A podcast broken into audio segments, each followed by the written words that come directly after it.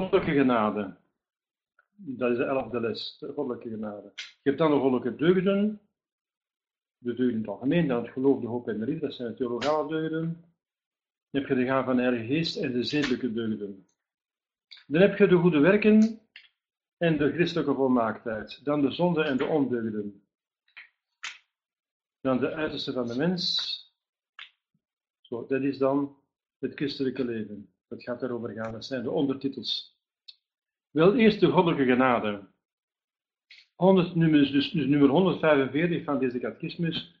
Je kunt hem online vinden, deze catechismus, voor degenen die hem nog niet hebben. Catechismus van Mechelen. Maar hij is wel een beetje bijgewerkt geweest, spijtig genoeg. Uh, van Mechelen. Hij is bijgewerkt geweest, uh, dus ze hebben daar die, uh, die veranderingen van uh, Paulus VI dus ingevoerd. Dan dat hier de catechismus. Ja, hier is hem dus, kunt je hem downloaden. Weet je?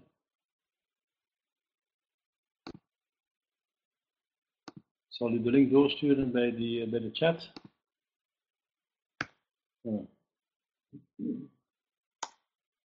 De Mekkerse catechismus bij Restkerk. Zo. Uh, maar de tekst is eenvoudig, lees hem voor. Dus nummer 145 is, wat is het christelijke leven? Wel, het christelijke leven is niets anders dan het bovennatuurlijke leven dat bezield wordt door de goddelijke genade en uitgeoefend door de ingestorte deugden. Dus dat, dat, we hebben dus, uh, zoals ik in de andere lessen ook gezegd heb, we, hebben dus, we zijn één mens, ieder is één mens, maar het is heel eigenaardig dat wij dus uh, verschillende niveaus van leven hebben. Op natuurlijk vlak hebben wij vegetatief niveau, en wij eten en we drinken en we planten ons voort en we groeien, dat is plantaardig niveau. We hebben een dierlijk niveau, we verplaatsen ons, we hebben zintuigen, uitwendige en inwendige zintuigen. En we hebben een menselijk niveau, we hebben verstand, geheugen en wil. En dat alles wordt bezield door de ziel. De ziel die uh, organiseert zowel het natuurlijk niveau, verstand, geheugen en wil, als het bezielen van het lichaam in naar dierlijk niveau en plantaardig niveau. Uh, dat zijn dus al uh, drie uh, niveaus van leven. Maar als God heeft besloten van ons te verheffen boven onze natuur, uit goedheid. Namelijk boven onze natuur en niet zomaar de, een, de beste boven natuur, want we kunnen zijn zoals de engelen die boven onze natuur staan. Zoals de planten en dieren onder ons staan, staan de engelen boven ons. Dus we zouden dus, moesten we deel hebben aan het leven van de engelen, zouden we ook al boven onze natuur verheven zijn. Maar dat is het niet. Uh, alhoewel we na onze dood een beetje zoals de engelen zijn. Dan zullen we ook zonder lichaam zijn zoals de engelen. Maar dat is niet het doel van ons bestaan. God heeft ons bes, bes, besloten, om ons te maken deelachtig aan zijn eigen leven, aan zijn goddelijk leven. En dat staat oneindig boven onze natuur. Daarom dat dit een speciaal oost, dus een, een, deel wordt aangeweid in deze catechismus, omdat het iets te maken heeft met oneindigheid en oneindigheid is altijd moeilijk te begrijpen. Dus in dat bovennatuurlijke leven, dat is een echt leven. Dat is een leven. En dus we hebben verschillende niveaus van leven. We hebben ons natuurlijk leven, dat er drie niveaus bestaat, zoals ik zei. De natuur, mens. Hè. Maar dan als je gedoopt bent, krijg je een niveau bij van leven. Het bovennatuurlijk leven. Dat betekent, uh, het leven heeft natuurlijk een bezieling en een, een, een actie. Hè? Want als je niet beweegt, leeft je niet. Hè? Dus het, de definitie van het leven is te bewegen uit jezelf. Vanuit jezelf. Een steen heeft geen leven, dus die beweegt niet uit zichzelf. Die wordt bewogen. Maar een plant beweegt uit zichzelf, tenminste die groeit, hè? uit zichzelf. En een dier beweegt uit zichzelf. En de mens kan denken met zichzelf, dus je hebt het leven dat is bewegen uit zichzelf. Wel, dus dat is, het, het leven heeft al te maken met een, uh, een, een bezieling, uh, iets dat het leven bezielt, dat het leven geeft, en dan de actie die gevoerd wordt in het leven. Wel, in het bovennatuurlijke leven is het ook zo. Het wordt bezield, staat hier door de, door de goddelijke genade, dat noemt men de staat van genade, hè? De staat van genade is de ziel van ons bovennatuurlijk leven en uitgeoefend door de ingestorte deugden. Niet alleen door de ingestorte deugden, maar uh, ja, er zijn dus ook de ingestorte van de Heilige Geest.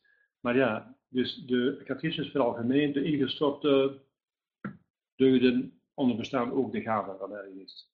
En die ons doen handelen, die ons doen leven, die ons doen bewegen in de bovennatuur. Dat is ons, dat is ons bovennatuurlijk leven. Dus dan, uh, volgende vraag, dat logisch is, wat is nu die ziel van het bovennatuurlijke leven die erbij komt? Uiteindelijk komt die ziel er niet bij, ja, ergens wel, maar het is niet een aparte ziel. Uiteindelijk is dat iets, dat is iets dat ingestort wordt aan onze ziel, onze menselijke ziel. Je krijgt iets bij. Je krijgt dus een, een, een, niveau bij, waardoor ze dus niet alleen kan eh, dus bezielen op vegetatief niveau. Hè. Onze ziel doet onze dus verteringsorganen werken. Want een dood, een lijk, verteert niet meer, want de ziel is weg. Dus dat is bewijs dat onze ziel ons verteringsniveau doet werken. Onze ziel doet ons, ons uh, dierlijk niveau werken, want wij, wij bewegen, wij gebruiken onze zintuigen. Een lijk kan ook niet meer zien en horen. Dat is bewijs dat onze ziel dus ook dat uh, bezielt. Wel, onze ziel zal dus iets bijkrijgen om ook het bovennatuurlijke leven te bezielen. En dat is een goddelijke genade, de staat van genade. Wel, wat is een goddelijke genade? Dat is de bovennatuurlijke gave. Dus dat is een bovennatuurlijk, dat is dus een buitengewone gave van Gods buitengewone liefde. Want dat is een deelname naar God. Dat doet hij uit liefde, uit goedheid. Uit goedheid wil hij ons niet alleen een vegetaal leven laten leiden, een dierlijk leven en een menselijk leven, maar zelfs een goddelijk leven. Dat is ongelooflijk hoe ver dat de goedheid van God gaat. Gods goedheid is oneindig, dus hij laat ons ook deel hebben aan dat bovennatuurlijke.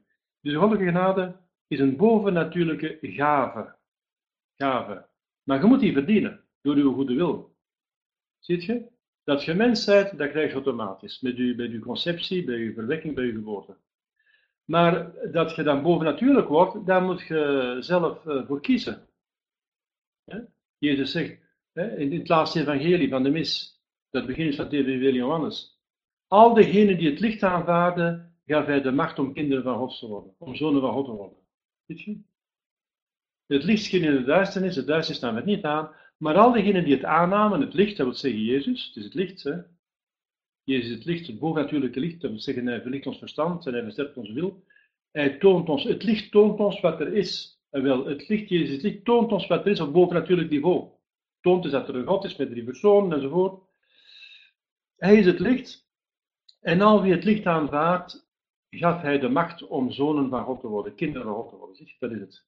Dus wij krijgen dat als we die gave die ons wordt aangeboden aanvaarden. Het is een gave van God. Een buitengewone gave, een oneindige gave. Wat is een deelname naar God? God is oneindig, dus het is een oneindige gave. Dus de goddelijke genade is een bovennatuurlijke gave die ons door God uit loutere goedheid, uit zuivere goedheid, wordt verleend door de verdiensten van Jezus Christus. Ah ja, want zonder Jezus Christus hebben we geen vergiffenis van de zon, zitten we in doodzonde. Zitten we met de doodzonde van Adam en Eva opgescheept. En met onze eigen zonde, dagelijkse zonde, misschien doodzonde. Hè? Dus, en, en als er zonde is, kunnen we niet uh, deel hebben aan het leven van God. Want deelnemen aan het leven van God is liefde. Dat is liefde. Het is uit liefde dat God dat geeft. En uit liefde moeten we ja zeggen. Dus de, uit liefde moeten we ja zeggen. Dus de, het wordt ons verleend door de verdiensten van Jezus Christus. Ziet je? Tenminste, wat ons betreft. Wat Adam en Eva betreft, betreft voor de zondeval, werd dat zo gegeven, dat bovennatuurlijke leven. Zij kregen dat zo bij de schepping. Maar ja, dat zijn maar twee gevallen. En uh, nadien is er geen mens, behalve natuurlijk Jezus en Maria, dat weet u wel. Jezus en Maria hebben het ook wel gehad, maar dat zijn dus juist degenen die komen verlossen.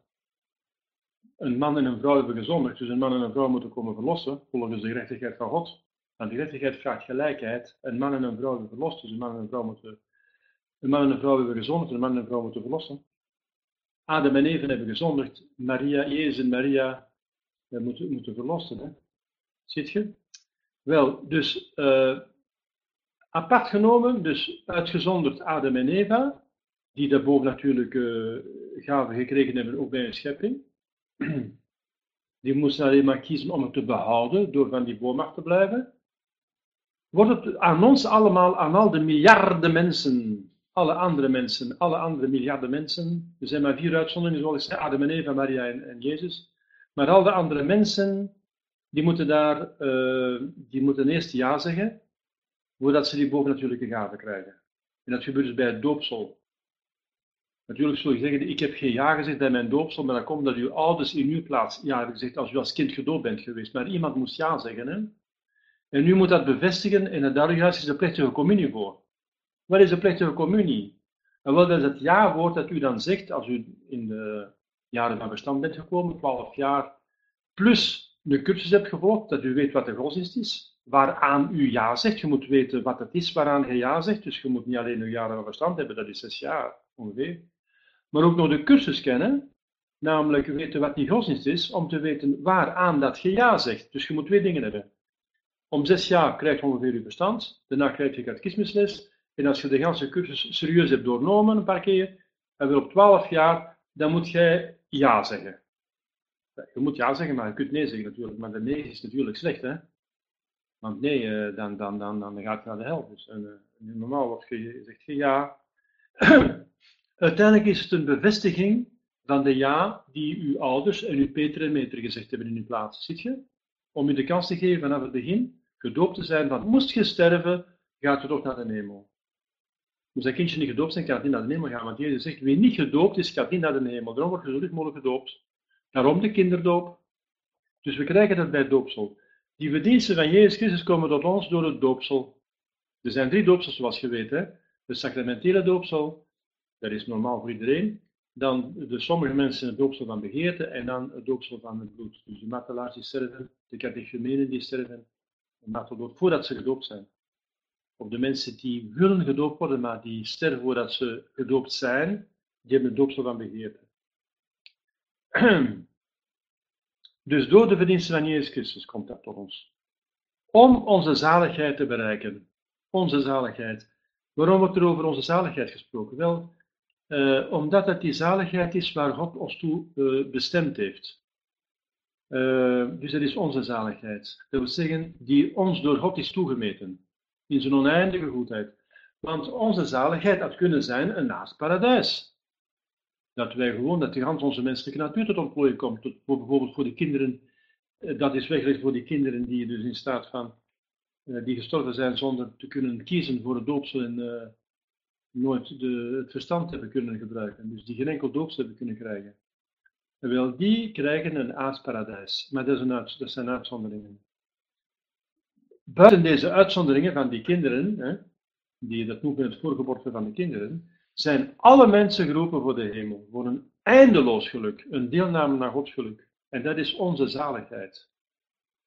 Onze, niet omdat ze van ons komt, en niet omdat ze ons toekomt, maar omdat ze ons beloofd is en ons gegeven is. Ze komt ons niet toe. Wat ons toekomt, dat is een aardparadijs. Dat is ontplooiing van onze mensheid, onze natuur. Als, als, als je natuur krijgt, is het normaal dat je die natuur kunt ontplooien. Hm? Als, als een horlogemaker een, een, een, horloge maakt, dat betekent dat dat horloge moet kunnen functioneren. Want anders heeft het geen zin om een horloge te maken. Begrijp je? Als iemand een auto fabriceert, dan moet die auto kunnen rijden. Ziet je? Het is voldoende dat hij kan rijden. Uh, dat die, dan is die fabrikant content. En dan is die auto ook content dat hij bij van spreken dat hij kan rijden. Hè? Want hij heeft deze voor gemaakt. De ontplooiing van de auto is dat hij kan rijden, dat hij rijdt. Wel, als die auto plots kan spreken en plots kan nadenken zoals de mens, dan is hij boven zijn natuur verheven. En wat is met ons gebeurd? Die garagist is zo, houdt zodanig van die auto dat hij dus, die is zo machtig dat hij daar uh, een levend wezen van gemaakt heeft. Dus die is boven de natuur van zijn auto zijn verheven. En wel, dat heeft God met ons gedaan. Hij was niet tevreden alleen, zijn goedheid is oneindig, dus hij was niet tevreden met onze ontplooiing te geven van onze natuur. Dat betekent ontwikkeling van een... Een prachtige cultuur, hè, een menselijke cultuur, maar hij heeft ons willen deelachtig maken aan zijn eigen goddelijke leven. En dat begrijpen wij niet. We denken dat de hemel naast paradijs is. Aan kinderen zeggen we ja, uh, met gouden lepeltjes, zeiden ze vroeger. Alhoewel dat het nu niet meer niet bijzonder is. Maar 50 jaar geleden, 100 jaar geleden was dat bijzonder. Rijstap met gouden lepeltjes. nu zijn wij zo rot bedorven door de consumptiemaatschappij dat je iets anders moet uitvinden. In ieder geval, daar gaat het niet om. Uh, het gaat niet om een aardparadijs. Hè. uh, reispapier doet gewoon levens, dat is, dat is het aardse bestaan. Hè, een, een. Maar het gaat om een hemelsparadijs. Dat is eindeloos meer. Zo'n verschil is dat er tussen de schepselen is en God, die schepper is, dat is oneindig. Is er een verschil tussen van de schepselen genieten, dat is het aardsparadijs, of van God genieten, dat is een hemelsparadijs. Wij zijn, onze zaligheid is een hemelsparadijs. Dus ik herhaal nu de ganse zin. Wat is de goddelijke genade, die ons het bovennatuurlijke leven geeft? Wel, de goddelijke genade is een bovennatuurlijke gave, dus boven onze menselijke natuur, een deelname aan goddelijke natuur, een gave, hè, want die wordt door God gratis gegeven, daar hebben we eigenlijk geen recht op, die wordt gegeven uit pure goedheid. Die God ons uit loutere goedheid door de verdiensten van Jezus Christus, ah ja, en wij moeten dus Jezus aanvaarden. In hem geloven, zijn geboden onderhouden en zijn sacramenten gebruiken en volharden. En dan krijgen we dat. Jezus, door de verdiensten van Jezus, verleend wordt om onze zaligheid te bereiken. Dus na Adam en Eva komt dat door Jezus. En dat is dus voor miljarden mensen zo. Er zijn nu meer dan 7 miljard mensen op aarde. En er zijn ik weet niet hoeveel miljarden in het vagevuur. Er zijn ik weet niet hoeveel, hopelijk miljarden ook in de hemel. Uh, en die allemaal die profiteren van. Die in de hel zijn, die profiteren er niet meer van, dat is gedaan. Maar die hebben er zelf voor gekozen. Dan het volgende, de volgende vraag. Nummer 147 van de catechismus. Uh, voor de nieuwkomers daar. De link staat op de chat, waar u de catechismus kan vinden. De catechismus is niet helemaal uh, dus dezelfde, wat ze hebben daar sommige dingen uh, veranderd. Bijvoorbeeld de geboden van de kerk hebben ze veranderd volgens Paulus 6, maar dat is een antipaus door zijn ketterijen. Dat weten we al. Uh, volgende vraag is, nummer 147. Hoeveel soorten van genade zijn er? Er zijn verschillende soorten van genade. Want we hebben al gesproken over de goddelijke genade die bezielt en dan de ingestorte deugden die ook genade zijn. Dus in die eerste vraag. Hè. Bij wat is het christelijk leven? We hebben eigenlijk daar al over twee verschillende genaden gesproken. We hebben eerst de, de eerste genade uitgelegd, hè, die goddelijke. Uh, nee, nee, nee, nee, de, de genade in het algemeen, dus de genade in het algemeen hebben uitgelegd. En nu gaan we zeggen hoeveel soorten zijn er. En wel, er zijn twee hoofdsoorten. Hoofdsoorten. De heiligmakende genade en de dadelijke genade. En dat heeft te maken met wat ik juist zeg, dat bij ieder leven is er een bezieling, een ziel en een, en een actie. De, de bezieling wordt hier gegeven door de heiligmakende genade, dat is de ziel van het bovennatuurlijke leven, dat in onze, ziel, onze natuurlijke ziel gestort wordt. En dan de actie wordt gegeven door de dadelijke genade. Het woord zichzelf de daden. Hè? Dus dan worden de daden, uh, dus de genade die ons dus de, genade de, de mogelijkheid geeft om te leven, om het leven uit te oefenen. Je krijgt het leven en je moet het nog uitoefenen. Hè? Een, een, dier gaat iets doen, hè. een dier gaat lopen, gaat kijken, gaat eten zoeken. Dus een dier heeft een dierlijk leven. Een mens heeft een menselijk leven. Een mens gaat nadenken, gaat uh, leren, gaat uh, spreken, gaat uh, van alles doen, hè, al wat de mensen doen. dus die gaat het leven zoveel mogelijk proberen te ontwikkelen. En dat is ook het geluk van de mens. Aristoteles zegt, wat is het geluk? Het geluk is de ontplooiing van onze faculteiten. Dus als wij de natuurlijke faculteiten helemaal, dus de, de, de, talenten die we hebben, de mogelijkheden die we hebben in ons, dat we die helemaal tot ontplooiing kunnen brengen, dan hebben we natuurlijk geluk. Dan smaken we natuurlijk geluk. Ooit werd in Nederland gevraagd, een enquête in Nederland, werken jullie graag? Wel tot de grote verbazing van de Walen en van de Fransen en van de Italianen, Dolce far niente, en leven als God in Frankrijk, zeiden wij werken graag.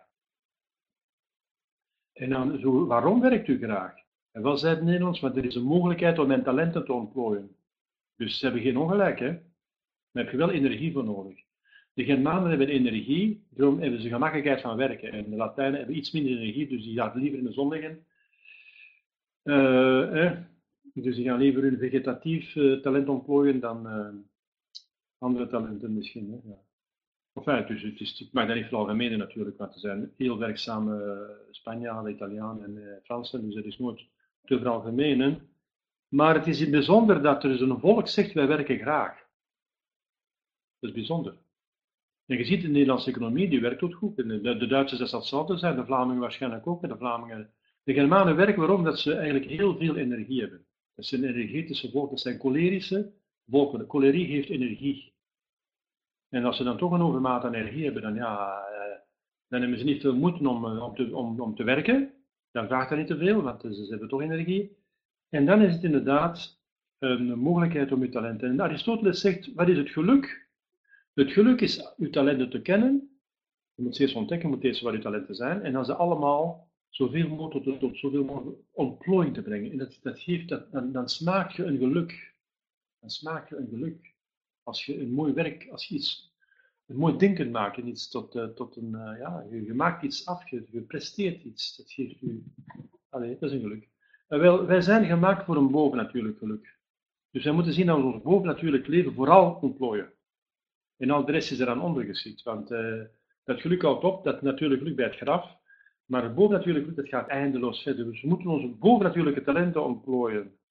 En die helemaal dus laten gebruiken, leren tot ontplooiing brengen. Dus wees volmaakt, zegt Jezus. Hè. Dus, moet tot de, dus het grote geluk is heilig worden.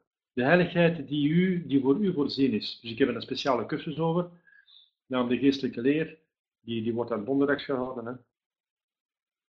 Dus hoeveel uh, soorten van genade zijn er? Zijn twee soorten van genade. De heiligmakende genade, dus de toestand dat leven, dat is de bezieling. En uiteindelijk is dat een toestand van liefde met God. Dat is een vriendschap met God, de genade. God heeft u genade verleend en hebt ze aanvaard. Dus, dus de, daarom spreekt men van staat van genade. En die staat van genade, dat is uw bovennatuurlijk leven. En het bovennatuurlijk uitoefenen, doet je door de dadelijke genade. Die dus u in staat uh, maakt om de deugden, de bovennatuurlijke deugden, van geloof, hoop en liefde, en die gestorte gave van Heilige Geest te, te, te, activeren. Wijsheid, verstand, wetenschap, raad, Gods vrucht, uh, vrees des Heer en sterkte, dus de zeven gaven van Heilige Geest. En dan de, de, de deugden zijn geloof, op en liefde, dat zijn de theologale deugden. En dan de deugden die de niet zijn ingestort, maar die onze, um, die onze verhoudingen regelen met de schepselen, volgens de wil van God. Dat zijn de voorzichtigheid, rechtvaardigheid, matigheid en sterkte en al hun kinderen. Dat zijn kardinale deugden die allemaal kinderen hebben. Dat zeggen onderdeugden, hè, onderliggende deugden. Maar dat zijn de vier kardinale deugden, morele deugden. De vier, dus je hebt drie theologale deugden die ons met God verbinden, geloof, op en liefde. Verstand, geheugen en wil worden met God verbonden door geloof, op en liefde. En dan onze verhouding met de schepselen wordt geregeld dan weer door vier uh, morele deugden, voorzichtigheid, rechtvaardigheid, nadigheid en sterkte. En het dus zeven deugden. En zeven is dus het getal van de godsdienst, zoals u weet. Dat staat op een website, heb ik iets genoeg uh, gezegd. Als u kijkt naar mirakelhostie, dan heb ik over het getal zeven gesproken, omdat die is hier gaan uh, bloeden de 7e juli. Z uh, in, dus 16, 2016 en 16 nog een keer 7, dus 777. Dat is allemaal toevallig zo gezegd, maar het is niet toevallig. Want er is te veel toeval. Uh, Sint Thomas zegt als er te veel toeval is, is het geen toeval meer. Ja. Dan de volgende vraag is, wat is de heiligmakende genade? De heiligmakende genade is die eerste genade die u dus het leven geeft. Hè? wel, de heiligmakende genade is een bovennatuurlijke en blijvende hoedanigheid. Een blijvende zoals het leven een blijvende hoedanigheid is. Dat is niet dat je morgen hebt en morgen niet hebt, dan ben je morgen dood. Als je bijvoorbeeld vandaag een leven hebt en morgen heb je het niet, dat wil zeggen dat je dood bent. Zo, zo, zo werkt dat niet. Hè? Of zo moet zijn dat je echt morgen moet, moet sterven, maar normaal leven de mensen langer dan één dag. En normaal, in onze ziel is zelfs onsterfelijk. Dus ons lichaam sterft en zal verrijzen, sterft af bedoel ik. En het, het ziel is zelfs onsterfelijk, dus, dus het leven is meestal iets dat duurt. Dat het duurt.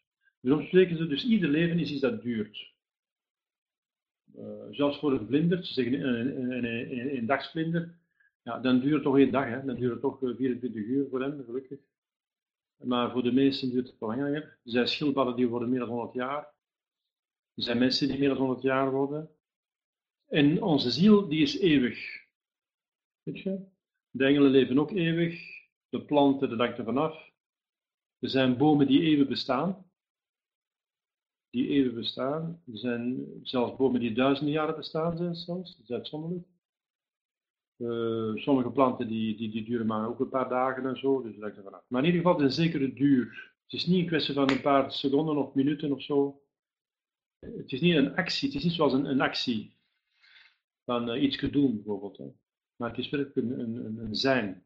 Dus het is in de orde van het zijn. En het tweede soort van genade, de dadige genade, is in de orde van het doen. Dus je hebt twee uh, aspecten bij ieder leven. Het aspect van het zijn en het aspect van het doen. Wel, in het bovennatuurlijke leven is eigenlijk maken genade behoort tot het zijn. Het is dus een bovennatuurlijke en blijvende hoedanigheid. Waarom zeggen ze van een hoedanigheid?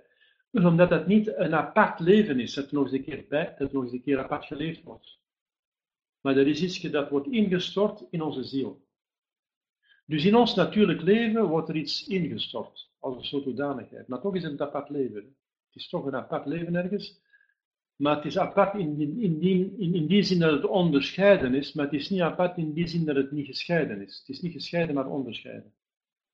Het is een, dus een eindeloos onderscheid tussen ons natuurlijk niveau en het bovennatuurlijk niveau, want ons natuurlijk niveau is mens, dat is beperkt. En het bovennatuurlijk niveau is een deelname aan God en God is oneindig. Want bovennatuurlijk leven is oneindig waard. Hè? Heeft een oneindige waarde.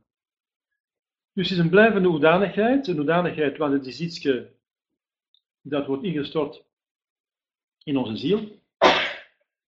Dus onze ziel krijgt een hoedanigheid, dat betekent die ziel die is in staat van genade. Hoedanig is die ziel? Wel, die ziel is in staat van genade. En die andere ziel die doodzonde gedaan heeft of niet gedoopt is, die, is in staat van doodzonde.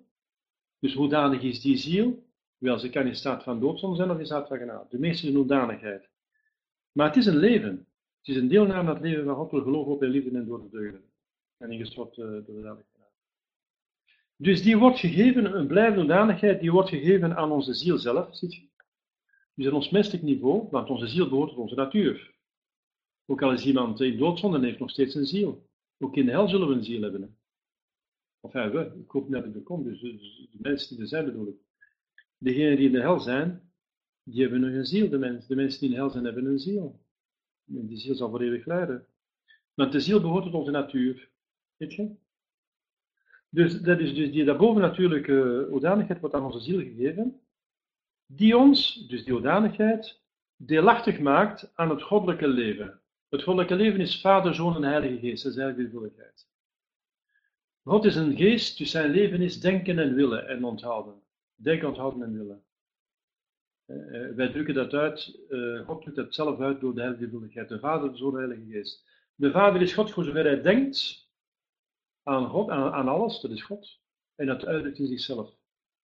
Dus de, de, de Zoon voorbrengt. Het woord. Het woord is een uitgedrukte idee door God voortgebracht in God over God. En die is zo eindeloos beminnelijk dat God een, een, een, een liefdesact, een liefdeverzuchting doet naar dat goede. De vader bemint de zoon. En de zoon bemint de vader. En die brengen samen dus de Heilige Geest voort. Dus het is een acte, het leven van God is een acte, is één oneindige acte van verstand, geheugen en wil. De Vader, Zoon en Heilige Geest. De Zoon wordt eigenlijk het geheugen genoemd ergens, want hij rust in de schoot van de Vader, zoals de, de, het geheugen is in het verstand. De Vader, Zoon en Heilige Geest, wij zijn geschapen naar zijn beeld, hebben verstand, geheugen en wil. Maar dat is onze natuur, dat een beeld is, maar we worden tot Gods leven verheven door geloof op en liefde. Gaan we deel hebben aan Gods denken, dus geheugen en wil en liefde. En dat wordt in de hemel voor eeuwig de glorie, de zalige, dus het geloof wordt zalige godsaanschouwing, het geloof wordt het bezitten van God, en het, uh, de liefde tot God wordt dan inderdaad het genieten van God. Dus, dus dat is ons het eeuwige leven. Ons eeuwige leven is denken met God en zoals God, voor zover het ons gegeven is. Is God bezitten, zoveel mogelijk, het ons gegeven is. En dan uh, God smaken en, en uh, genieten, zover het ons gegeven is. Dat is dus, dat is een, een, deelname aan het goddelijke leven. Dat hier op aarde is, begint door geloof op de liefde en door de goddelijke deugden. En de, en de morele deugden. Die ons deelachtig maakt aan het goddelijke leven, ons al dus heiligt. Heiligt. Dat betekent, wij willen het goede, wij willen hetzelfde als God, maar dat is juist liefde, het is een liefdesrelatie. Uh, hetzelfde willen als God, dat verenigt ons wil met God en het in hemel. De, de, essentiële van de heiligheid is alles willen wat God wil, altijd willen wat God wil, alle de wil van God altijd doen. Dat is essentieel van heiligheid. Hij wil dat is heilig zijn. En dan worden we één met God Dus en dat, die, genade geeft ons de mogelijkheid om dat te doen. Hè. Dat is, wij doen het wel met onze goede wil, maar geholpen door de genade. Of omgekeerd. Wij zeggen ja, het is de genade die het ons, met ons, die het, die het ons die het doet, gebruik maken van onze vrije wil. Zo wil je het ook zeggen. Hè. In ieder geval, het is die tandem, vrije wil en genade, genade en vrije wil, die ons naar de hemel brengt. Hè. Dus hoe gaan we naar de hemel met een tandem? maar wel een heel bijzondere tandem. Hè met twee uh, hulpmiddelen. Genade en vrij en goede wil. Onze goede wil en met de genade. Die twee. En er kan niemand tussenkomen. De duivel kan daar niet tussenkomen. De duivel kan niemand tussenkomen als wij ja zeggen tegen hem. En als wij nee zeggen tegen hem, kan hij niet tussenkomen. Dus de goede wil en de genade kan niks, niks in het heelal ertussenkomen. Niks. En ons verheft tot kinderen van God en erfgenamen van de hemel. Kinderen van God zoals zijn zoon. Dus wij komen in God terecht door het kindschap. Door het zoonschap. Door de tweede persoon komen we in de willigheid terecht. Maar de tweede persoon is mens geworden om ons te verlossen. Dus hoe komen wij in het leven van God terecht, dat de willigheid is? Door via de tweede persoon. Door de tweede persoon heeft een liefde gemaakt, is mens geworden. En wij stappen in die liefde door geloof op en liefde. Wij, wij geloven Jezus, wij winnen hem door zijn geboden te onderhouden. En wij maken gebruik van zijn genade door de sacramenten te gebruiken. En zo zitten we in de liefde met Jezus. Samen met mij kunt u niets doen, samen met mij kunt u alles. Samen met Jezus gaan we naar de hemel op. En zo komen we terecht in de willigheid, via de tweede persoon. Dus de toegang tot de heilige is de tweede persoon. Natuurlijk ook de derde persoon zendt, maar die derde persoon krijg je pas als je de tweede hebt aanvaard. Hè? Als Jezus gelooft in mij, omdat mij geboden, en dan krijg je de Heilige Geest. Hm? Dus je ziet je, en dan is de Vader natuurlijk komt ook in u, want uh, hij zegt, als je mijn geboden onderhoudt, zullen wij, wij, wij, dat wil zeggen de twee andere personen met mij, in u komen wonen. En dat is juist de staat van genade. Dat die drie personen in u wonen. En dat die niet alleen nu wonen, maar die, die handelen, die, die leven.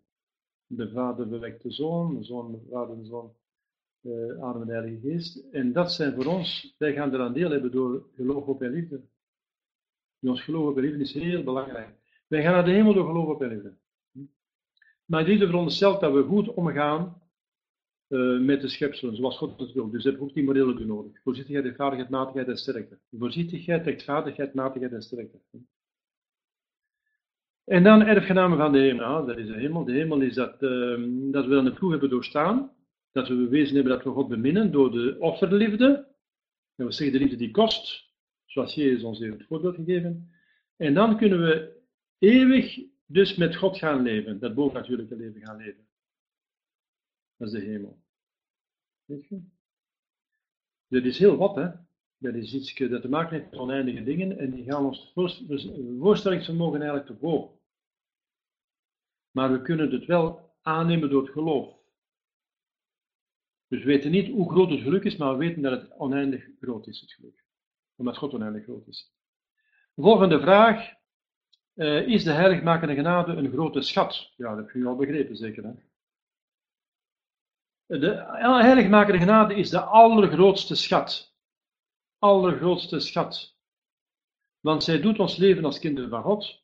Zonder haar zijn we onbekwaam om verdiensten te verwerven en onze eeuwige zaligheid te bereiken.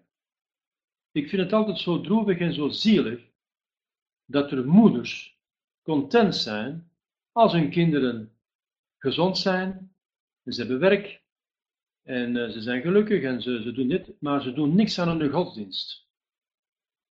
Die moeders zijn wel een klein beetje ongerust, ze gaan er wel wat verbidden en zo, maar voor de rest is er niks aan de hand. Ja, maar als die kinderen ziek worden of ze verliezen hun werk, dan schieten ze in paniek en dan komen ze met vragen: Ah, missen opdragen, bidden, bidden, bidden, bidden, bidden. Ik zeg: Verdorie toch, wat is nu het belangrijkste? Natuurlijk ga ik bidden, werken hier op aarde belangrijk en de gezondheid. Ik herhaal die vraag hier van de catechismus. De heiligmakende genade is de allergrootste schat. Dus belangrijk, eindeloos belangrijker dan werk en gezondheid. En als je kinderen hebt in doodzonde leven, dan moet je pas ongerust gaan maken. Dan moet je even naar, naar beneden gaan. Dan moet je even naar de bewegen. Alle heiligen van hun sokkel bidden, zeggen wij. Hè? Alle heiligen van hun sokkel bidden. Dan is het moment om, uh, om in gang te schieten. Hè?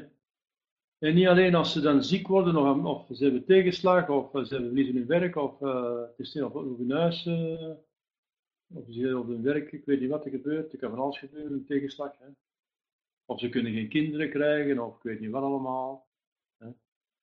Dus, uh, dus dat is dat, dat de mensen eigenlijk miop zijn. Hè? Miop, we zijn miop, we zijn miop, hè? bijziend. Wij zien alleen maar eh, eigenlijk, het, het, niet alleen maar, ja, wij zien het zintuigelijke. En het geestelijke, dat komt er zo bij, dat, ja, dat komt er zo bij. Ja. Het is juist omgekeerd. Het, het geestelijke is eindeloos veel belangrijker in onze toekomst. Onze ziel is eeuwig. Heb goed uw verstand gezien? Nee, en toch bestaat het. Maar wij, wij hechten veel belang meer aan dingen die we zien. Ik zie mijn kind dat gezond is en het lijkt gelukkig te zijn met die vrouw of met die man. Maar uh, dat zijn doodzonde leven, ja. Maar iedereen doet dat tegenwoordig. Ja, ja. Het is wel erg, zal wel een beetje verbieden, maar uh. We zullen wel zien. Nee, mevrouw. Is dat liefde voor uw kind? Het naar de hel sturen? Hè? Het in een gemakkelijke stoel, hè? In, in, in luxe, in, in, uh, in gezondheid en met geld naar de hel sturen uiteindelijk. Hè? Is dat nu het geluk? Is dat nu wat je als moeder moet doen? Hè? Denk eens een keer na. Hè? Het geloof uh, brengt ons in, in, in, in contact met een werkelijkheid die eindeloos belangrijker is dan de zichtbare wereld. God is belangrijker, de ziel is belangrijker, het geluk is belangrijker, trouw is belangrijker, liefde is belangrijker dan al de rest. Liefde en geluk kunnen niet kopen, hè? dat is geestelijk. Hè? Dat kun je ook niet zien. Hè? Ja. Wel, daarom is die vraag hè, die is zo belangrijk. Hè? De heiligmakende genade is de allergrootste schat. Daar moeten we alles voor over hebben. Al de rest is dan eindeloos minder belangrijk. Maar ja, als God oneindig is. Het heiligmakende genade, heiligmakende genade is een deelname aan God. God is oneindig. Dus de heiligmakende genade heeft iets oneindigs. Hoe groot is dat? Oneindig. Is dat 5 miljard euro? Is dat 100 miljard euro? Is dat 100 biljoen euro? Nee, 100 biljoen, biljoen euro is nog niks in vergelijking met de heiligmakende genade. Want 100 biljoen euro is iets dat beperkt is, dat eindigt op een moment. Het is, het is 1 biljoen euro, het is geen 2, het is geen 10, het is 1 biljoen euro. Wel, uh, het, bovennatuurlijk leven is eindeloos. Dus die 10 of 1 biljoen euro is nog niks in vergelijking met het bovennatuurlijk leven. En dan kun je met, met euro's kopen. Alleen materiële dingen die voor het lichaam werken. Het lichaam gaat eindigen aan het graf. Het geld houdt op aan het graf. Dat houdt op aan het graf. Je kunt alleen maar met geld dingen kopen voor je lichaam. En je lichaam houdt op aan het graf, beste mensen. Hallo, waar zit je mee bezig? Dus uh, uh, ik herhaal die vraag, hè, die dringt niet door, spijtig genoeg. Om die door te krijgen moet je bidden. Een leven in die geloof, want het is een genade ook weer. Ziet? Dat, dat geloven is eigenlijk weer een genade. Maar dat is geloven. En geloven is leven in het bovennatuurlijk leven, dat is een genade. Uh, wij moeten vragen dat we dat geloof, dat we een leven die geloof hebben. Hè. Dat, is, dat is een gave. Hè. Want, zegt de catechismus, zonder haar, zonder die al makende genade, zijn we onbekwaam om verdiensten te verwerven. Dat wil zeggen, zonder mij kun je niks doen. Ja, maar ik doe toch niks, ik doe toch niets kwaad? Je doet niks kwaad. Twee homoseksuelen die samenleven, die zeggen tegen mij, we doen toch niks kwaad? Ah, je doet niks kwaad. Je brengt elkaar naar de hel, is dat geen kwaad? De ene brengt de handen naar de hel met een wraakroepende zonde. En je geeft een, een slecht voorbeeld aan de maatschappij. Hè? De hele maatschappij wordt, wordt daardoor verwijfd. Je hebt een verwijfde maatschappij die voor niks meer in staat is voor mannelijke prestaties te leveren. Hallo, wraakroepende zonde. Is dat voor God? God straft dat met, uh, met van 5000 graden. Hè? Tot totale verwoesting, Sodoma en Gomorra. En jij zegt, we doen geen vlieg kwaad. Hallo. Zonder mij kun je niks doen. Zonder mij kun je niks doen. Ook al bouwt je de toren van Dubai. Hè? Ook al bouwt je, ik weet niet wat, hè? je plant daar een stad neer ergens in, uh, in een woestijn of zo. Of uh, je doet iets, ik weet niet wat, je, vindt van alles uit. Dat is tegenwoordig allemaal, die techniek, dat ze allemaal hebben uitgevonden, dat is, dat is fantastisch. En wel, dat is allemaal materie, dat is allemaal natuurlijk niveau. Hè? En zelfs dat kunt je zonder Jezus niet, want daar gebruikt je verstand voor in je handen en zo, en je hebt goed van God gekregen. Maar daar gaat het niet eens over. Het gaat erom dat we op bovennatuurlijk niveau niks zonder hem kunnen doen. Hè? Als ik soms in Nederland zo, of zelfs in België, als je zo langs zo die fantastische gebouwen komt, uh, waar je u kunt tegen zeggen. En zeggen, wauw, wat een constructie. Je moet naar, naar opkijken. En er is een technologie zit erachter en zo, en dat functioneert allemaal, ongelooflijk. Maar dan moet je zeggen, God, tegenover wat dat jij ons geeft, is dat, is dat, is dat gelijk niks. Dat is eindeloos meer wat jij ons geeft dan dat wat de mens presteert. En wel, wij kunnen zonder Jezus niet, want dat bovennatuurlijk leven heeft te maken met liefde. En liefde wordt kapot gemaakt door de doodzonde. En het is alleen door Jezus dat we vergiffenis krijgen van de doodzonde. Te beginnen met de erfzonde, daar krijgen we door de doopsel vergiffenis van. En, en dat, dat, kunnen we niet zonder Jezus, want alleen Jezus kan, die, kan ons de zonde vergeven. Hè? Omdat de zonde eindeloos kwaad is, moet er een eindeloze waardigheid. Het, de, de, de toren van God is rechtvaardigheid terug neergesteld. Het is een eindeloos kwaad gebeurd. Dus we moeten in de balans en eindeloos goed liggen om de rechtvaardigheid in evenwicht te brengen en om de barmhartigheid te laten, de kans te geven om, om, om, om toe te stromen. Wel, die balans wordt in evenwicht gebracht van kwaad door een oneindige waarde, namelijk God. Jezus is God, dus als God heeft een oneindige waarde. En heeft aan de straf voldaan, je zult sterven, en wel, hij is gestorven als mens, en als God heeft hij een oneindige verdienste gehad.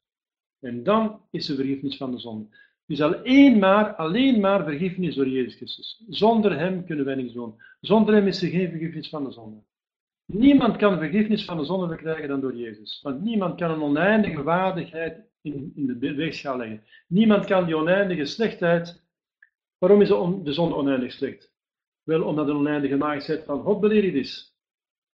Een oneindige majesteit van God is dat ook beledigd. Dus de, de zonde is oneindig slecht. Alleen iets oneindigs goeds kan dat in evenwicht brengen, dus de Godmens. En daarom kan geen enkele godsdienst vergiffenis van de zonde bekomen, geen enkele, dan Jezus Christus.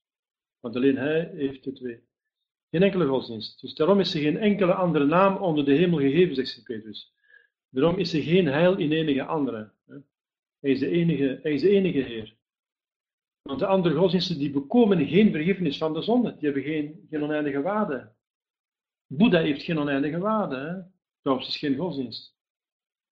Mohammed heeft geen oneindige waarde. Hè? Tegendeel, wat vangt hier allemaal niet aan? Hè? Oorlog voeren, veel wijverij enzovoort. Uh, dus dat, um, wij zijn onbekwaam om verdiensten te verwerven. Met Jezus kunnen we alles, uh, kunnen naar de hemel, een oneindige hemel bereiken. En met hem, zonder hem kunnen we niks, niks, niks, niks, niks, absoluut niks. Al geef ik mijn leven om te worden verbrand, zegt 1 Corinthians 13, zegt Paulus aan de Corinthiërs in 1 Corinthians 13. Al geef ik mijn leven om te worden verbrand. Ik heb de liefde niet, dus de staat van genade niet, dus Jezus niet. Het baat mij niks. Het baat mij niks. Niks. Al geef ik mijn leven om te worden verbrand. Er zijn mensen die hun leven hebben gegeven om te worden verbrand. Hè. Bijvoorbeeld in Praag is er iemand die heeft zich leven laten verbranden als protest tegen communisme. Die heeft zich, leven laten, die heeft zich met petroleum overgoten en in brand gestoken. Die heeft zijn leven gegeven uh, protest tegen communisme. Waar baat hem dat? Die heeft zijn leven gegeven voor een zaak, maar gaat hem dat de hemel geven? Er zijn mensen die een leven gegeven hebben voor Hitler. De SS die moest, uh, de storm, de storm, uh, ik weet niet wat allemaal, de storm SS, die moesten trouw beloven aan Hitler tot, tot in de dood. Tot in de dood. Er zijn soldaten die trouw beloofd aan Napoleon tot in de dood. En wel als ze dan voor hem gestorven zijn, voor Hitler, Napoleon en voor Caesar enzovoort, wat baat het hun in de eeuwigheid?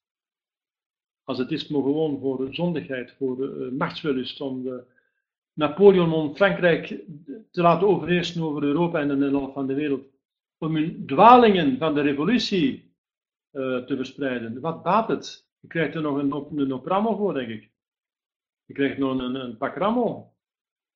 Omdat je de, die, die onwaardige uh, Franse revolutie probeert dus te verspreiden. Maar God, God, gaat natuurlijk wel, God gaat natuurlijk wel de mensen oordelen. Hè, in zover dat ze schuldig zijn, dat ze het wisten enzovoort. Daar kom ik niet tussen. Daar kunnen we ons niet, daar kunnen we ons niet, uh, daar kunnen wij niet tussenkomen. Uh, want dat wordt aan God toe, hè, het oordelen. Maar wij, wij oordelen wel de, de gedragingen de geschriften en de gezegden, die moeten wij wel oordelen. Door met wat. Wij moeten wel weten wat goed en kwaad is, want anders zijn we ook helemaal het nodig kwijt. En onze eeuwige zaligheid te bereiken. Zonder die heiligmakende kunnen we onze eeuwige zaligheid niet bereiken. Dus, dus dat is een heel belangrijk artikel. Hè? Dat is een heel belangrijk artikel. Hè? Er zijn belangrijke artikelen in de catechismus. Allemaal hebben ze hun belang. Maar zijn ze van die artikelen uh, die, uh, die belangrijk zijn. Die belangrijker zijn. Uh, bijvoorbeeld, dus nummer 51 is ook belangrijk, hè? dat hebben we al gezien. Hè? Waartoe is de mens geschapen? Wat komen wij hier doen? Wat komen wij hier doen? Dat is nummer 51. Maar dat is ook zo'n belangrijk artikel. Want als je dat niet kent, hè, dan weet je niet wat je komt doen en dan gaat je je doel missen.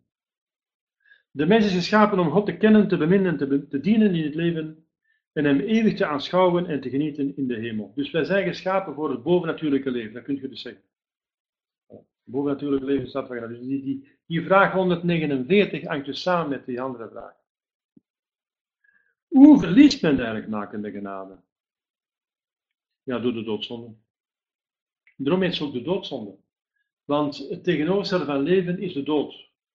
De genade, dat is ons bovennatuurlijk leven. Dat hebben we gezien. En wel de doodzonde, dat is een, dat is een, dat is een, een actie. Een, een actie, dat is iets doen. Iets willen. Iets doen met uw ziel. Of iets doen met uw, al of niet samen met uw lichaam. We kunnen ook inwendig iets willen dat totaal verkeerd is. Je kunt inwendige doodzonde doen. Dus de, het negende en het tiende, gebod zijn inwendige zonden, die doodzonde kunnen zijn. Wel, dat is iets doen dat die vriendschap kapot maakt. En de vriendschap is liefde, dus het is haat.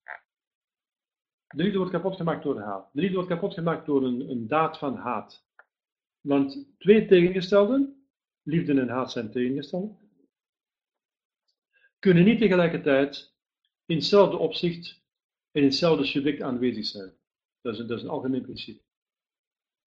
Het principe van non-contradictie. Dus, dus twee tegenstellen kunnen niet tegelijkertijd aanwezig zijn. Dus een deur kan niet tegelijkertijd wijd openstaan en potdicht zijn. Uh, een, een, een, uh, een, ik weet wat, een, een, een hemd kan tegelijkertijd wit of zwart zijn tegelijkertijd in hetzelfde opzicht. Het kan een gedeelte zwart en een gedeelte wit zijn, bijvoorbeeld eh, zwarte ruitjes of zo. Een wit met zwart ruit, maar dan is het niet in hetzelfde opzicht. Van hetzelfde aspect, dan is het dat gedeelte dan wit, het andere gedeelte. Maar de meeste in hetzelfde opzicht en tegelijkertijd. Want het kan ene keer wit zijn, daarna zwart zijn, en je kunt het zwart laten verven. Dus, dus we zeggen dus, dus iets kan niet tegelijkertijd en in hetzelfde opzicht, in hetzelfde subject, dezelfde hem, het gaat om dezelfde hem, niet om een andere Um, dus iets zijn en zijn tegenovergestelde. Dat is niet mogelijk. Dat is niet mogelijk. Ziet je? Wel, je kunt niet tegelijkertijd God beminnen en, en God haten. Het is het een of het ander. Door de staat van genade zijn we in liefde met God. En door de doodzonde zijn we in haat met God. Weet je? En de liefde vernietigt de haat. Dus een, acte van liefde vernietigt de, de, staat, de, staat van doodzonde. En de doodzonde vernietigt de staat van uh, genade. Dus het is, het is wederkerig waar. Men verliest dus eigenlijk maken ja, door één doodzonde, door een doodzonde. Eén is vol, spijtig genoeg voldoende. Hè. Eén is voldoende. Hè. Maar ja, één haat. Uh, maar als een tegengestelde is, is de standaard er niet meer. Hè. Dus één doodzonde is voldoende, spijtig genoeg om naar de hel te gaan. Als je niet bekeert. dus dan, dan, dan, dan, kwam die vraag vorige keer, wat is een doodzonde? Wel, weet, dat is in een ernstige zaak, het is geen 5 euro spelen, dat is een dagelijkse zonde, maar in een ernstige zaak, of een kleine leugen, maar in een ernstige zaak, met volle kennis en met volle toestemming.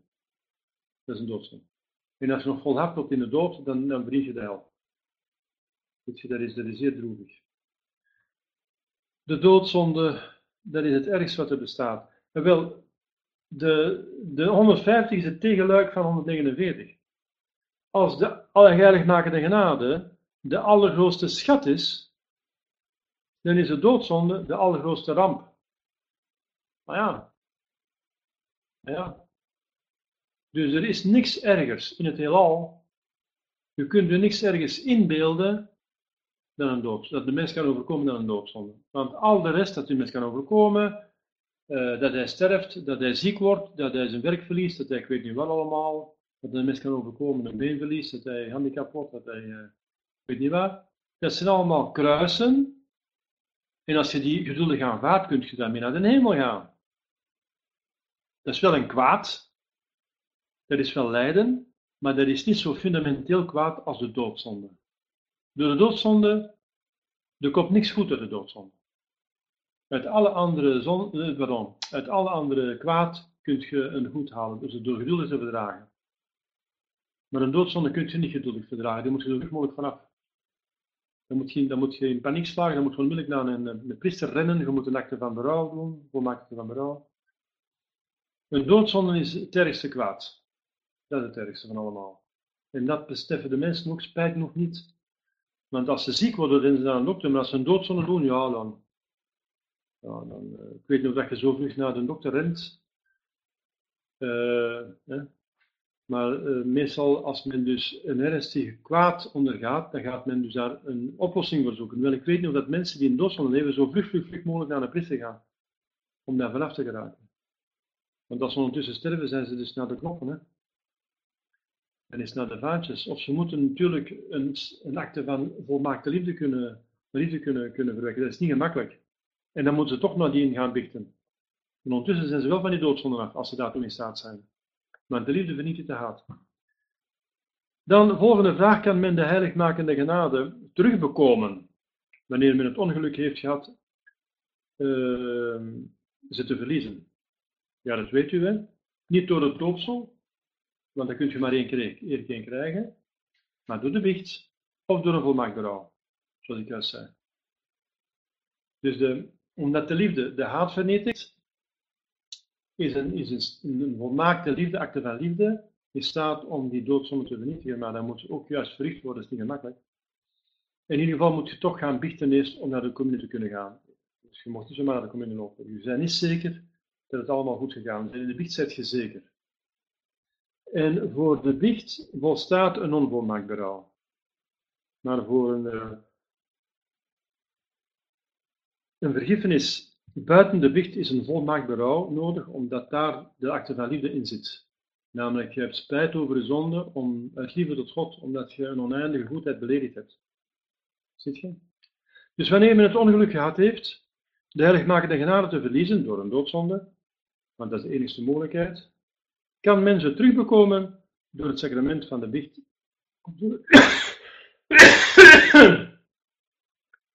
of door een volmaakt berouw. Dus daarom moet men bidden voor priesters. Want we zullen zien in de biecht wat de biecht is. Want voor de biecht moet je een geldige wijde priester hebben. En de novus ordo wijdingen zijn dus al twijfelachtig, dus als ongeldig te beschouwen door de kerk. Dus iedereen die gewijd is novus ordo, na de jaren 70 zoiets, eh, alwel, die, die, dan moet je niet meer gaan biechten, want die, die biecht die is, die, is dus je, moet, je weet niet eens dat je, je moet zeker zijn van dat sacrament. Dus je ziet uh, in welke dramatische toestand dat we ons bevinden. Dus de biecht is uiteindelijk het enige waardoor je dus eruit geraakt, waar je dus een, een nodig die geldig gewijd is. En bovendien moet je ook nog geen ketter zijn, want je moet weten welke raad hij kan geven. En je moet ook weten of iets doodzonde is of niet. Als je naar een priester gaat die de handcommunie goed vindt, uh, enzovoort, en die, uh, zoals de bisschoppen, de, de conciliaire zeggen, ja, vreemd gaan in het huwelijk, dat mag er en toe, dat is een schoonheidsplek op het huwelijk. Een schoonheidsplekje. Vreemd gaan. Maar vreemd gaan is een doodzonde volgens de traditie van de kerk. Onfeilbare traditie zegt, en hoe de, de, de, de, Heilige Schrift, zegt dat vreemdgaan een doodzonde is. Dus uh, de bisschoppen, conciliaire bisschoppen noemen dat een, een, een schoonheidsplekje, dus ze zijn niet in staat om biecht te horen. Want die gaan geen vergiffenis geven over uh, een overspel, omdat ze vinden dat het geen doodzonde is. Erg, hè? Dus je moet bij een priester komen die weet wat een doodzonde is, dus die, hij moet de, de kennis hebben, niet alleen de macht, maar de kennis. En hij moet ook de juridictie hebben. Juridictie. Wel, er bestaat geen normale juridictie meer. Want juridictie is verloren gegaan door de, de pausen uh, de sketten zijn geworden, is er geen normale juridictie meer. De, bischop, de, diocesane bisschoppen zijn geen diocesane bisschoppen meer, want ze zijn ketters. Dus je, je verliest je, je verliest je bischops, je diocesane macht door, um, door de ketterij. Dat staat allemaal in kerkelijk recht. De paus verliest zijn pauschap door de ketterij, dat staat in de traditie van de kerk. In Gratianus, in het decretum van Gratianus staat dat. En uh, dus de, dat staat in kerkelijk recht. Uh, en, uh, dus er is geen normale juridictie meer. Er is geen priester nog die eigenlijk een juridictie heeft gekregen die komt van een bisschop van een paus die echt paus was. Want met Paulus VI in 1964 hebben alle pausen nadien en met hem te beginnen de paus gaat door ketterij. Door publieke ketterij. Dus er is geen normale juridictie meer. Wel, dan is er juridictie van suppletie, van vervanging. Maar om de, om de uh, juridictie van suppletie te krijgen, die krijg je van God, rechtstreeks. En wel, die krijgen alleen maar die priesters die in orde zijn. Want dat is het juist. Dus de juridictie bij suppletie is iets dat je krijgt omdat die priester goed functioneert. En die priesters die bijvoorbeeld uh, dan de normale juridictie schijnen te hebben, of zeggen te hebben, die functioneren niet door de ketterij. En die hebben trouwens die normale juridictie verloren. En de zielen die moeten gered worden, komt die juridictie terecht bij de priesters, de bisschoppen en de priesters die goed functioneren. En die krijgen alle juridictie, dat wil zeggen de, de toestemming en de, de, ja, de organisatie om hun machten uit te oefenen. Want je hebt de, de ordesmacht en je hebt de, de toestemming, de administratie ervan. Dat zijn twee verschillende dingen. En je hebt er twee nodig. De ordesmacht is de macht die je krijgt bij je wijding. Bij je wijding krijg je als priester de macht om zonne te vergeven en te consacreren. En ook nog uh, andere uh, uh, sacramenten toe te dienen, zoals de heilige toe te dienen. En ehm, de communie uit te delen enzovoort enzovoort. En, en, en, en huwelijken, dus, dus te assisteren. Te assisteren. En de bischop heeft hem bovendien de macht om priesters te wijden en bisschoppen te wijden. Wel, dat is een macht die je hebt. Maar die macht, die, macht die, uh, die mag niet zomaar uitgeoefend worden. Die wordt uitgeoefend zoals de kerk dat wil. En de kerk heeft dus een administratieve hiërarchie opgesteld. Je hebt dus een, ordens, een ordenshierarchie. Dat zijn de, de diakens, de priesters, de bisschoppen en, en, de, en de bisschop. En de bisschop. Een ordenshierarchie. Dat is de ordenshierarchie. En binnen de priesterschap heb je nog verschillende uh, lagere ordens. Je hebt dus uh, de vier lagere ordens en de drie hogere ordens. Je hebt ook nog subdiaken, onder de diaken heb je subdiaken. Dus je hebt een, de ordenshierarchie. Die geeft u de machten. Die geeft u de machten om het een en ander te doen. Zoals ik juist zei. Maar je hebt ook de administratieve uh, hiërarchie. En dat heeft dan te maken met bijvoorbeeld de onderpastoor, de pastoor, de deken, de diocesane bisschop, de, de aartsbisschop, eh, de kardinaal, eh, de, de, metropoli, de, metropool, de, de, de metropolitaan, hè, de, de patriarch en dan de paus. Dus dat is, is de administratieve hiërarchie. Want een paus heeft niet meer ordensmacht dan een andere bisschop, maar wel buitengewone administratieve macht. Dat wil zeggen, hij beslist wat, wie wat gaat doen. Jij bisschop, jij gaat naar dat bisdom. En de bisschop zegt, jij priester, jij zit in, dat, in die parochie, of jij gaat in die school lesgeven. Ziet je, dat is, dat is juridictie. Er zijn twee hiërarchieën. De ordensmacht, die je kunt verliezen, want dat heeft te maken met uw, met uw wijding. Maar dan de administratieve macht, juridictie, die dus uh, kan gegeven worden of ontnomen. Een priester kan dus verboden worden om te bichten. Bijvoorbeeld als iemand seniel wordt, die priester die mag niet meer bichten. Ook al heeft die, is hij nog steeds priester. En in zich heeft hij de macht nog, maar hij kan ze niet uitoefenen omdat zijn verstand niet goed meer functioneert. Dus die heeft geen juridictie meer, ziet je? Wel, voor alles wat de priester doet, heeft hij juridictie nodig. En natuurlijk ook wijdingsmacht. Dus er moet een geldig gewijde priester zijn, want anders heeft hij niet eens wijdingsmacht. Maar hij moet ook juridictie hebben. En omdat er geen normale juridictie bestaat, door de ketterij, is alles in de kerk juridictie van suppletie. Maar de juridictie van suppletie, die, die functioneert alleen maar in zover de priester doet wat God verlangt. Hè?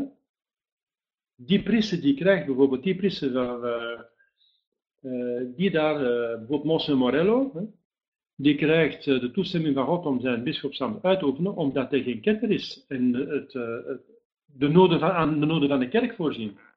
Er zijn mensen die moeten gevormd worden, en hij geeft het vormsel, omdat de diocesane bischop een ketter is en die doet dat in Novo Sordo. Daardoor krijgt hij een bischop, Morello, die een goede bischop is, een, een, geldig gewijden en die traditioneel is, die geen ketter is. Die krijgt dan de opdracht en de juridictie van God en van de kerk rechtstreeks om dat vormsel toe te dienen, omdat de, de mensen dat nodig hebben. God roept door de noden in de kerk. Ziet je? En, en op die manier. Maar als die bischop Bijvoorbeeld, dat is het probleem van de broederschappen. In de broederschappen, uh, bijvoorbeeld Petersbroederschap, uh, Petersbroederschap is, uh, is niet een goed voorbeeld, want in de Petersbroederschap is er een probleem zelfs van de, de, de wijdingsmacht. Omdat ze wel in de oude ritus, maar door Novo bisschoppen gewijd worden, die zelf Novo gewijd zijn. En dus twijfelachtig is, is de ganse wijdingsmacht in de Petersbroederschap twijfelachtig dus onbestaande, als onbestaande te beschouwen. De kerk zegt dus twijfel in de ordensmacht in het sacrament is niet toegestaan. Maar de, de probleem is juridictie, dus bijvoorbeeld in de, Peters, in de, pries, in de piersbroederschap. In de heb je dus geldig gewijde priesters, of voor een groot deel, voor 99%. Het is nog 1% dat ze dus priesters hebben aangenomen uit novels zonder ze te herwijden, dat is een ander probleem. Maar 99% van de priesters in de broederschap, 10, zijn dus geldig gewijd. Maar nu begint een probleem te komen van de, van de suppletie, van de juridictie. Waar halen zij een suppletie vandaan? Zij halen precies vandaan als ze goed functioneren. Maar als ze niet meer goed functioneren, zoals we nu bezig zijn, namelijk in de broederschap, gaat je nu trouwen door de plaatselijke. Is er nu een overeenkomst tussen Moslim en Rome, dat er een plaatselijke pastoor die moet het huwelijk komen doen. En die gaat het huwelijk komen doen. Enzovoort. Dus ze hebben akkoorden met, uh, met ketters. En uh, Paus dat zegt, akkoorden met ketters. Als je akkoorden met ketters hebt, dan gaat het lot van de ketters. Je staat uiteindelijk, je, bestaat uiteindelijk bij de kerk daardoor. Dus dat is het probleem van al die, uh, van al die uh, traditionele priesters die beginnen af te wijken die dreigen niet van hun ordensmacht kwijt te geraken, want dat, ze zijn sacerdos in eternum, maar die dreigen van hun juridictie kwijt te spelen, juridictie van suppletie, omdat ze niet meer doen, niet meer doen wat God van hen verlangt. Het niet meer doen zoals het hoort. En dan, krijg, dan komt ook de geldigheid van sacramenten in gevaar. Want voor een geldig sacrament heb je niet alleen maar een geldige ordensmacht nodig, maar ook een geldige juridictie. Ofwel een normale juridictie, ofwel een buitengewone juridictie. Eén van de twee. Er bestaat geen derde. Hè? Wel, er bestaat geen normale meer, omdat dus vanaf 64 uh, de, de, de ketters, pausen zijn ketters geworden en er is geen paus meer die. En alle juridictie komt eigenlijk van de paus. Dus als een, als een diocesane bischop juridictie heeft, heeft hij dat van de paus gekregen en heeft hij dat gedelegeerd geworden. Dus alle juridictie komt eigenlijk van de paus. En er missen geen pausen meer zijn gedurende 50 jaar naar antipausen is een normale juridictie teloor gegaan. En de ganse kerk, het gezonde deel van de kerk, functioneert uitsluitend op juridictie van suppletie, maar die functioneert alleen maar als je recht in je schoenen staat voor God. Begrijp je? Dat is heel belangrijk, hè? De mensen die denken daar niet, genoeg aan. Hè? Die gaan, ja, het is een geweldige wijde piste, ik ga bichten, op, op, op. Maar zo werkt dat niet, hè? Ziet je? Dus daarom, ik kom hier in, omdat het de heilige maagd genade de allergrootste schat is, en je verliest het door de doodzonde, en dat, dan, is de volgende vraag, en dan de volgende vraag zegt dan, je kunt alleen maar terugkomen door de biecht of door een volmaakt berouw, en dat volmaakt berouw, dat veronderstelt dat als je in leven blijft, ligt niet op, je gaat niet sterven, dat je dan toch moet gaan biechten. Dus uiteindelijk komt het op de biecht neer, maar voor de biecht heb je dus wel nodig wat we gaan leren in het sacrament van de biecht, en waar ik nu al een voorsmaakje van gegeven heb, volgens wat de kerk daarvan denkt. Wat de kerk daarvan denkt. Dus niet iedereen kan zomaar biechten. Niet iedereen kan biechten, dat is een goddelijke macht. Zonder vergeven kan alleen maar God. Dus er moet iemand uh, zijn die goddelijke macht heeft gekregen. Dat is dus een geldig priesterschap en een juridictie. Een geldige juridictie. En dan de volgende vraag. Uh, ah ja, dus hier een vraag van me, mevrouw Brusselaar. Een bichteling kan die verantwoordelijk zijn voor het feit dat priesters gewijd volgens, zijn volgens de nieuwe orde? Nee, de bichteling is niet verantwoordelijk voor dat die priesters gewijd zijn volgens de nieuwe orde. Alhoewel we allemaal verantwoordelijk zijn. Hè? Moesten we allemaal heilig zijn, zou de crisis niet zo erg geweest zijn, waarschijnlijk. Dus zoals Franciscus zegt, het is door mijn schuld dat het in de wereld verkeerd gaat. Dus eh, als we nederig zijn, zoals Franciscus zegt, ik heb dat ook wel schuld aan. Ik ben niet heilig genoeg en daardoor heeft de kerk veel meer moeilijkheden dan ze zouden gehad hebben, moest ik heilig zijn. Want er is solidariteit. Maar ja, dus in die zin, uh, Maastricht genomen dus is, een, is, is een, een bichteling niet verantwoordelijk dat een priester gewijd is volgens de nieuwe orde, maar hij is wel verantwoordelijk tot welke priester hij zich wendt. Je gaat niet naar een orthodox bichten, je gaat niet bij een protestantse dominee bichten, je gaat niet bij een boeddhistische monnik bichten, daar zijt je wel verantwoordelijk voor. Dus je gaat niet bij een Novus bichten. Als jij weet, die priester Novus Orde en er is sowieso in de predesbroederschap, praktisch allemaal, ja, die oude, die oude gasten die uit de broederschap zijn gekomen, die nog geldig gewijd, maar sowieso is iedereen Novus Ordo gewijd, hè? Hè? Zijn de, de, uitzonderingen die zijn praktisch die zijn gekend. Hè? Dus je bent wel verantwoordelijk naar wie dat je gaat. Hè? Als jij weet, uh, er zijn bakkers die, uh, die vergif verkopen in een brood. En uh, jij weet welk brood het dat is, hè? welke bakkers dat zijn. Zegt ja, maar die bakker is verantwoordelijk voor wat hij deed. Goed, ik ga dat ook brood kopen. Dan zeg jij dood, hè? Dan zeg je wel dood, hè? Want jij hebt naar die bakker, jij wist dat, je had kunnen weten. Hè? Dus jij hebt niet het recht om naar een Novus te gaan, uh, om te gaan bichten. Want je weet wel dat je Novus is. Daar zijt je wel verantwoordelijk voor. Dus je moet je priesters kiezen. Hè?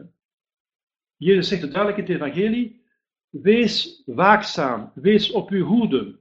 Pas op voor wolven in schaapskleren. Hij heeft niet gezegd, jij bent niet verantwoordelijk dat... Uh, een schaap een wolf is in schaapskleren, daar zijn niet verantwoordelijk voor. Nee, nee, nee, nee, nee, nee, nee, nee, je bent er wel verantwoordelijk voor. Hij zegt, waakt en bid. Past op, er zullen wolven komen in schaapskleren. Pas daarvoor op. Hij zei, past op voor het zuurdeeg van de fariseeën. Pas daarvoor op. Dus je moet oppassen, hè, want anders doen we niet wat Jezus vraagt. We zijn wel verantwoordelijk voor wat Jezus zegt. Dat is, we mogen niet uh, weten zijn willend onwetend zijn, want dan zijn we schuldig. Als iemand niet wil weten, dan is hij schuldig voor zijn onwetendheid. Zo, je kunt met God geen spelletjes spelen, nee? dat werkt niet. Met God moet je geen spelletjes spelen. Dus als je het niet wil weten, dan zet je schuldig voor wat je niet weet. Dat is een schuldige onwetendheid. Dus je moet God beminnen met al je krachten. Je moet zoeken naar de ware godsdienst. Hè. Je zoekt en je zult vinden. Je moet zoeken. Je zoekt en je zult vinden. Hè. Voilà. Dus Jezus zegt ons dat je dus verplicht bent en je weet heel goed, dus uh, daarom is het moet je catechismus kennen, om te weten wat is een goede priester, wat is geen goede priester. Want dat is de referentie. Dat is de openbaring van God. Wat God zegt, uh, dat is waar. En die priester die dat voorhoudt, dat is een goede priester. Diegene die dat niet voorhoudt, die een beetje afwijkt, die is verkeerd. Want een beetje afwijken, dat kan één doodzonde zijn. En door één doodzonde verlies je staat van genade. En dat is de allergrootste schat die je dan kwijt bent. Hè. Een ketterij is een doodzonde. Hè. Vergeet dat niet, en een van de ergste, want die snijdt u van de kerk af. We zitten in een zeer dramatische situatie, zeer dramatisch. En de mensen zitten in een moeras, zonder dat ze het eigenlijk goed beseffen. Hè. Maar ze moeten het beseffen, want anders gaan ze, gaan ze dan kapot. De, maatschappij gaat dan kapot, de kerk gaat dan kapot. Er blijven heel weinig goede priesters over. Hè. Heel weinig, hè. Heel weinig. Dus we moeten een seminarie, we moeten een goede seminar beginnen. We moeten echt... Uh... De kerk zal niet vergaan, uh, maar... Uh, de kerk kan wel uit een streek verdwijnen. Zoals ze verdwenen is uit eigen land, praktisch helemaal, uit Noord-Afrika, uit Arabië. Gaat in Arabië een prachtige christenheid in Jemen, dat is ook allemaal verdwenen, voor, voor, voor het, de islam dat kwam. Dus de kerk zal niet vergaan, maar ze kan wel uit een streek verdwijnen. Dat is onze verantwoordelijkheid. De volgende vraag. Ik hoop dat ik aan uw vraag heb, ik weet niet of dat de bedoeling was, ja, mevrouw Busselaar, dan zijn er maar bitter weinig priesters waar alle goedgelovigen nog secten ja. Ja, er zijn inderdaad nog bitter weinig priesters. Dat is de toestand, ja. Dat is inderdaad zo. Er zijn ook bitter weinig gelovigen die volledig in orde zijn. Er zijn ook bitter weinig bisschoppen die die in orde zijn. En er zijn geen pausen die in orde zijn. Geen enkele pausen in orde. Er zijn nu twee pausen, er zijn ook nog antipausen en zo, nog andere antipausen. Je hebt verschillende pausen. Je hebt nog, uh, lopen een paar pausen rond, maar er is geen ene die een, een geldige paus is. Dus we hebben geen pausen, we hebben weinig bisschoppen, we hebben weinig bissen, we hebben weinig gelovigen. En met dat weinige zal de kerk overleven. We moeten wel zorgen dat we bij dat weinige behoren. Hè. Daar moeten we wel voor zorgen. Wel, ik, eh, ik heb er alles voor over om daartoe te behoren. Wel, dus inderdaad, het is een feit. Jezus zegt, zal de mensen zo nog geloof vinden als hij terugkeert op aarde? Er wordt gesproken van de grote geloofsafval. Ja. Um, hoofdstuk 12 van de Apocalypse spreekt van een, een, een embryo, dat, dat, een, een, kindje dat geboren wordt. Waar een grote draak naast is om het te verslinden. Een kindje dat geboren wordt. Dus een kindje is klein, hè? dat is de kerk. De kerk de laatste tijden zou als herboren worden, maar het zou heel klein zijn. Na de crisis. Na de crisis zou ze heel klein zijn. En we zitten nu in de crisis en de kerk, we zien dat de kerk heel klein is. Ja, maar um, dus God geeft altijd een mogelijkheid, maar we moeten wel in inspanning voor doen. Inderdaad, dat is zo. Dat is de realiteit. We moeten realist zijn. De, realiteit is dat als we dit vergelijken, en dit is onfeilbaar, met de huidige toestand, dan zien we dat er weinig gelovigen, priesters en hier aan voldoen. Aan al die catechismussen die voor concilie, dus die dus door 2000 jaar de waarheid hebben gekomen, dat is de waarheid, want de kerk kan zich in 2000 jaar vergissen. Er zijn heel weinig die daar nog aan beantwoorden. Dat klopt zo. Dus dat is de realiteit. En je kunt je kop niet in zand steken, want anders zijn we verkeerd bezig. Als je niet wilt weten, dan, ja, dan, als een truisvogel zijn kop in zand steekt, dan wordt hij door een leeuw. Het is niet omdat de, de, de leeuw komt eraan, het steekt zijn kop in zand, dat betekent niet dat hij de, de leeuw niet wordt, wordt verorberd. Hè. Hij wordt des te gemakkelijker verorberd, dat hij zijn kop in zand steekt. Hè. Dus een, uh, want anders zou nog kunnen gaan lopen. Hè? De, de, de, de, de, dinges, de, noem ze, struisvogel bedoel ik. De struisvogel heeft lange benen. Hè? Hij kan nog proberen te gaan lopen, hè? maar als hij zijn kop in het zand steekt, is hij helemaal naar de vaatjes. Hè? Inderdaad, mevrouw Beslaat, dat is, dat is bitter weinig. Ja. Dat is een feit. Ik leid daar ook onder dat ik confraters, ik zoek naar confraters en ik vind er heel weinig die in orde zijn. Er zijn ofwel ketter ofwel semi-ketter. En er zijn er heel weinig die in orde zijn. Dat klopt. En ik, ik bid, ik bid, ik bid dat ik dus blijf recht staan. Want wie ben ik? Uh, volgende vraag. Welke zijn de voornaamste... Ah ja, we zijn nu eigenlijk het half uur voorbij. Het, pardon, het hele uur voorbij bedoel ik. Uh, de vragen zijn er geweest. We moeten stoppen, denk ik. Ik, Zo, ik ga eventjes een potlood erbij halen. We zijn gestopt aan de vraag 151. Maar we hebben toch heel wat gezien, denk ik. Hè? We hebben toch heel wat gezien. Als er geen vragen meer zijn. Ja, dus de, de, inderdaad, de, de situatie is dramatisch.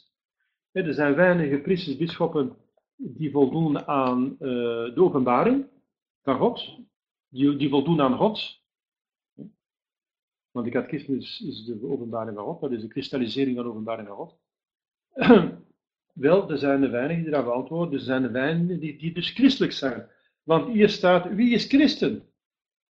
Dat is nummer 6. Een christenmens is een gedoopte die de leer van Christus gelooft en beleidt in de ware kerk. Dat is de, dus, dus de kerk bestaat uit christenen. Dus de kerk is zo groot kwantitatief als als er mensen zijn die aan de definitie voldoen. Dat ze de leer van Christus geloven en beleiden. Dus dat ze geen ketters zijn. Want er staat er wat verder. Wie behoort er niet tot de kerk? Wel, ketters behoren niet tot de kerk. Dus iedereen die ketters is, die behoort niet tot de kerk. Die ketters is apostaat, uh, schismatiek of excommuniceerd. Die behoren niet tot de kerk. En dan is de vraag, wat is een ketterij? En wel, een ketterij is een tegenspraak met de openbare godsdienst met de openbare waarheden. Dat is God tegenspreken, dat is de ketterij. En God heeft twee keren gesproken, namelijk door de Heilige Schrift en door de traditie. Er zijn twee bronnen van openbaring. De, de Heilige Schrift, voor zover die uh, is, pardon, duidelijk is, want die is onfeilbaar, het is het woord van God. En dan de traditie, voor zover ze onfeilbaar is. Want er zijn ook in de traditie dingen die menselijke tradities. Maar het is in de kerk een goddelijke traditie. Wel, als er daar een tegenspraak tegen is, dan heb je te maken met een ketterij en als je die ketterij aanhangt, dan behoor je niet meer tot de kerk. Volgens dit boek. Dat dus de leer van de kerk weergeeft. dat dus de openbaring weer geeft. Want Jezus zegt, als je niet gelooft, zijt je reeds geoordeeld. Hij zegt tegen de Joden, je zult in je ongeloof sterven. Je zult in de zonde sterven. In de zonde zult je sterven. Dus het staat in de Heilige Schrift, hè? dus het is, het, is, het is allemaal heel erg eenvoudig, maar inderdaad dramatisch. Als we deze spiegel, deze toetssteen, gaan gebruiken in ons dagelijks leven, hè? een goede catechismus, die, eh, een van de catechismussen die in de kerk voor concilie uh, even lang overeenkomt met alle andere catechismus, want dit is geen ene catechismus die de andere tegenspreekt. Uh, iedere bischop had de, taak om een catechismus samen te stellen eigenlijk, want dat is de kerk. De bisschoppen zijn de kerk, dus catechismussen komen van de bisschoppen, die uh, gewoon de leer van de apostelen doorgeven. Hè. Zoals we moeten, wat, wat, wat doet de kerk? De kerk uh, verder wat, wat ze van de apostelen weten. Wat, is de kerk? Dat staat hier, hè? Hm? Voilà. Wij moeten de waarheden geloven die God geopenbaard heeft en die de Heilige Kerk voorhoudt te geloven. En wie is de kerk? Dat zijn degenen juist die, die, die voilà. Dat zijn al degenen die gedoopten, die de geldige sacramenten hebben en die de leer van Christus geloven en beleiden. Waar keer die trouw zijn gebleven. Trouw is fundamenteel, hè? Geloven, trouw blijven aan. Het is door ontrouw dat Adam en Eva zijn gevallen. Ze geloofden niet meer. God had gezegd, als je van die boom eet, zult je sterven. Dus in hun neugen zult je sterven, zegt de slang. Ah ja, ze geloofden de slang, ja, dus we zijn ontrouw geweest aan de openbaring van God en aan zijn gebod. Dus door ontrouw verdoemen ze zich, de mensen, en door trouw redden ze zich. En er staat een oneindigheid op spel. Een eeuwigheid. Een onschatbare schat, hè? Zegt nummer 149. Ja, inderdaad, mevrouw Bessat, dat zijn zeer pertinente vragen. En uh, ja, ze moeten gesteld worden en er bestaat een heel duidelijk antwoord op. Hè? Ja, inderdaad. Wel, uh, we hebben een, dus ik heb meer dan een uur gesproken. Uh, als er geen vragen meer zijn. Dan uh, nemen we een afspraak voor 9 uur. Dus tegen 10 minuutjes begint dan de filosofie. En dan voor de anderen die de filosofie niet willen volgen, dan is volgende, als God belieft, volgende donderdag is dan de geestelijke leer, vervolg van de geestelijke leer. Dus om de week is het vrijdag of donderdag. Vrijdag is het godsdienst en filosofie. Donderdag is dan geestelijke leer, om de week. Zo. Dank u voor uw assistent. Bid voor mij. Ik bid voor jullie allemaal. Jullie zijn in mijn gebeden. En ik bid voor jullie. En ik vraag u een gebed voor mij. In naam van de Vader en Zoon en Heilige Geest samen. Wij danken Heer voor alle weldaad en leefnis in alle eeuwen der eeuwen. Amen. Onze Vader in de hemel, zijt gij zeggen naam, jullie komen, uw geschieden op aarde in de hemel. Geef ons geen ons dagelijk brood en vergeef ons onze schulden, gelijk wij vergeven aan onze schuldenaren. En leer ons niet in bekoring, maar verlos ons van kwade. Amen. Heilige Jozef, bid voor ons. Alle engelen en godslieve heiligen, bid voor ons. In de naam van de Vader en de Zoon en de Heilige Geest. Vanuit Spanje? Ah ja, wel. Dus uh, wij. Wel, uh, mevrouw Busselaars, ik bid voor u. Ik wens u een hele prettige avond. Iedereen trouwens. Tot zegen. Tot ziens voor degenen die filosofie volgen.